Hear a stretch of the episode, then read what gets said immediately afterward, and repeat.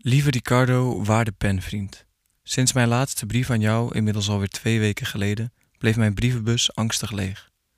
Ik dacht in eerste instantie, Ricardo is vast druk en er komt vanzelf wel weer een brief. Maar later begon ik me toch af te vragen of niet mijn radicale overstap van handschrift naar courier nieuw jou tot teleurstelling en deze correspondentie tot een definitief einde had gebracht. Godzijdank spraken we elkaar per e-mail, toen jij vroeg of het klopte dat ik je brief nog niet had ontvangen. Niks aan de hand dus. Of, nou ja, een verloren brief. Hoeveel vriendschappen zullen vroeger op deze manier wel niet verwaterd zijn? Liefdes uitgedoofd, oorlogen begonnen of juist beëindigd, uitnodigingen van bruiloften en begrafenissen gemist. Op een pijnlijke manier worden we er helaas nog maar weer eens op gewezen ons geen illusies te maken. Zelfs het lot van onze romantische vriendschap op papier ligt in zekere zin in handen van een groot beursgenoteerd bedrijf. Als ik geen muzikant, maar postbode was geworden, was mij dit natuurlijk nooit overkomen.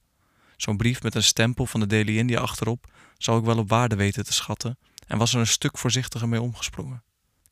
Maar goed, misschien ligt je brief alsnog morgen op de mat en is er eigenlijk niks aan de hand en zijn we gewoon te ongeduldig voor het onvoorspelbare en trage ritme van de postbezorging. Het goede nieuws is dat onze vriendschap nog vier overeind staat en jij me zojuist een ingescande, uitgetypte versie van je brief hebt gemaild. Inmiddels is er natuurlijk veel gebeurd in je leven en je bent zelfs gewond geraakt. Pijnlijk. Ik weet hoe het voelt. Mijn beste vriend is chef en ik help hem soms wel eens in zijn keuken als hij snel iemand nodig heeft en voor de gezelligheid. Ik vind het absurd dat hij me nog steeds toelaat, want ik kan niet koken en snijd mezelf voortdurend in de vingers, letterlijk. Binnen de kortste keren zitten mijn handen vol met sneetjes bedekt met pleisters. Je beschrijving van het incident en die van je horrordroom of nachtmerrie, waarin je vriendin jou neersteekt, vond ik overigens prachtig.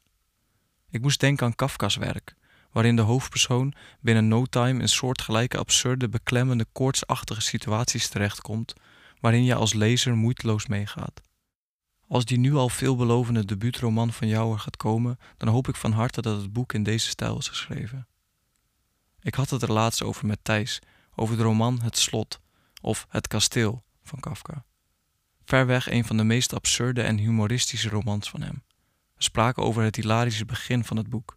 De hoofdpersoon, een landmeter, is namelijk oneindig lang onderweg naar een slot omdat hij zegt dat hij daar ontboden is, maar eenmaal daar weet niemand van zijn komst. Bovendien stelt hij twee assistenten aan die op de meest ongepaste en absurde momenten in het verhaal opduiken. Wist je trouwens dat Erik, de drummer van de Homesick, als twee druppels water lijkt op Frans Kafka? Zo, heb ik toch maar weer mooi even een bruggetje gemaakt met de Nederlandse indie scene. Snel weer terug naar de literatuur. Van de week kocht ik namelijk nog twee prachtige uitgaven van Kafka. Bij boekhandel Schimmelpenning in Amsterdam. Deze winkel is misschien wel mijn favoriete boekhandel. Ze gaan nu helaas definitief de deuren sluiten. Onder andere doordat ze niet kunnen concurreren met bol.com. En dat vind ik toch wel een beetje treurig. Als favoriete literaire hoofdpersoon kies ik niet een van de vele K's van Kafka, maar Zeno van Italo Svevo's Bekentenissen van Zeno.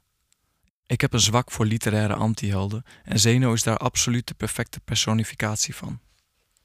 Met Sanja gaat het goed, lief dat je het vraagt. Ze is nu 35 weken zwanger, dus het duurt inderdaad niet lang meer. Maar het lijkt ook wel alsof de laatste weken het langste duren. Ik heb er vooral echt heel veel zin in, in alles eigenlijk. Ik wilde altijd al vader worden en ik kan niet wachten om mijn zoon te zien, te ruiken en te voelen. Het lijkt me zo gezellig, een extra persoontje in ons kleine huisje. Ik weet ook wel dat die roze wolk straks misschien in werkelijkheid tegenvalt, met korte nachten en veel gehuil, maar het wordt vast ook heel mooi. Of ik dan nog zin en tijd heb om brieven te sturen, is inderdaad lastig te voorspellen. Voorlopig vind ik het in ieder geval superleuk om met jou op deze manier van gedachten te wisselen. Eigenlijk zouden mijn vrouw en ik nu in het buitenland zitten om te fotograferen, dus dat proberen we deze week in Nederland te doen. Surrealistische landschappen spelen vaak een belangrijke rol in Sanja's werk en die zijn best lastig te vinden hier in Nederland. Bovendien stonden we gisteren nog geen 15 minuten in een open veld te hannissen met visstraat, bloemen en statieven. Of we werden alweer weggestuurd door een boswachter, omdat we van het pad waren afgewandeld. Heb jij nog goede ongerepte natuurtips? Die typemachine move van jou is wel echt heel slim trouwens. Hoewel ik je brief nog niet fysiek in mijn handen heb gehad, kan ik in de scans al zien hoe mooi de letters over de uitleiding wiebelen, in tegenstelling tot mijn perfect uitgelijnde regels van de computer. Een typemachine in ons huis kan ik mijn huisgenoot echter nu niet aandoen. Ze wordt nu al vaak gek van mijn gepiel op gitaar en getrommel op MIDI-keyboard. Misschien verzacht het de pijn nog enigszins als ik je vertel dat we niet een eigen printer in huis hebben en ik voor elke brief genoodzaakt ben om naar de printshop te fietsen. Zo'n absurde plek vind ik dat trouwens. In de rij te staan, max drie personen in de winkel en dan voor 25 eurocent twee A4'tjes af te rekenen. Ik weet eigenlijk niet of dit nu romantisch of nostalgisch is, maar het is in ieder geval omslachtig en dat is ook wat waard in deze tijden waarin alles makkelijk en snel beschikbaar is. Everything now. Ik realiseer me dat ik naast mijn opmerking over de drummer van de Homesick nu al erg weinig over muziek heb geschreven. Sorry. Thijs en ik hebben als The Proof nog wel een nummer gemaakt deze week en het wordt as we speak gemasterd.